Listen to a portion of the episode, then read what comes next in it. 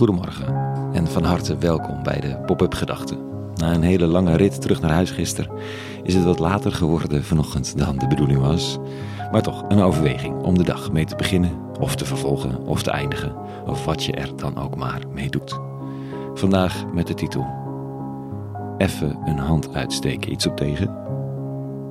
Pop-up Gedachten, vrijdag 3 november 2023.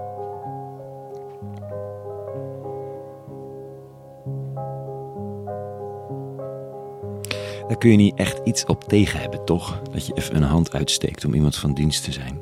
Nou, dat is lang niet altijd vanzelfsprekend. Iemand aan koffie helpen die veel te laat de vergadering binnenkomt, bijvoorbeeld. Kan zomaar gefrustreerde blikken opleveren, toch? Had iemand maar op tijd moeten zijn. Of een dakloze geld geven en gaat er toch maar drugs verkopen. Of brood aan eentjes voeren. En dat is dan ook echt geen goed idee. Er zijn allerlei tegenwerpingen tegen handen uitsteken te maken. Sommige geldig, sommige ongeldig. Maar in het oog van de fronsende tegenpartij natuurlijk altijd uiterst legitiem. In Trieste, een oud stadje aan zee op, uh, op de grens van Italië en Slovenië, werkt een Italiaans stel, Gian Andrea en Lorena. Sinds jaar en dag met een groep vrijwilligers werken ze op het plein. Vanaf zes uur. Elke dag staan ze er om wonden te verzorgen. Zes uur s'avonds trouwens. Schoenen, kleding, slaapzakken uit te delen en voedsel te distribueren. Al naar gelang wat voorhanden is. Ze is vitaal, bijvoorbeeld Lorena, maar ook echt op leeftijd. En dan vanaf zes uur s'avonds tot elf uur s'avonds staat ze op haar voeten, omringd door jonge mannen uit Afghanistan, Pakistan en waar dan al niet vandaan. En als een geduldige moeder zoekt ze iets passends voor iedereen. Als het regent wordt het lastig. Gelukkig was er een tunneltje van de metro. Is een prima schuilplek. Tot die werd afgesloten. Als het warm is, slapen sommigen in het gras rond het monument. In eerste instantie zette de gemeente af en toe de sprinklers aan s'nachts. Gewoon storen.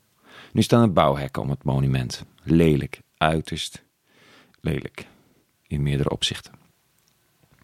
Een hand uitsteken levert soms zomaar gedoe op. In je buurt, met je familie of vrienden of met autoriteiten.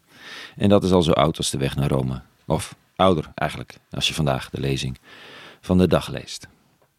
Toen Jezus op een sabbat, een geheiligde rustdag met een nadruk op rust, het huis van een van de voornaamste fariseeën binnenging om de maaltijd te gebruiken, hielden ze hem voortdurend in het oog. En wel om te zien of hij niet een van de heilige wetten zou overtreden, want ze wilden deze populaire rabbi wat graag in discrediet brengen. Op een gegeven moment werd hij een man gewaar die aan waterzucht leed. Het zijn vochtophoping in het lichaam met allerlei zwellingen tot gevolg. Naar.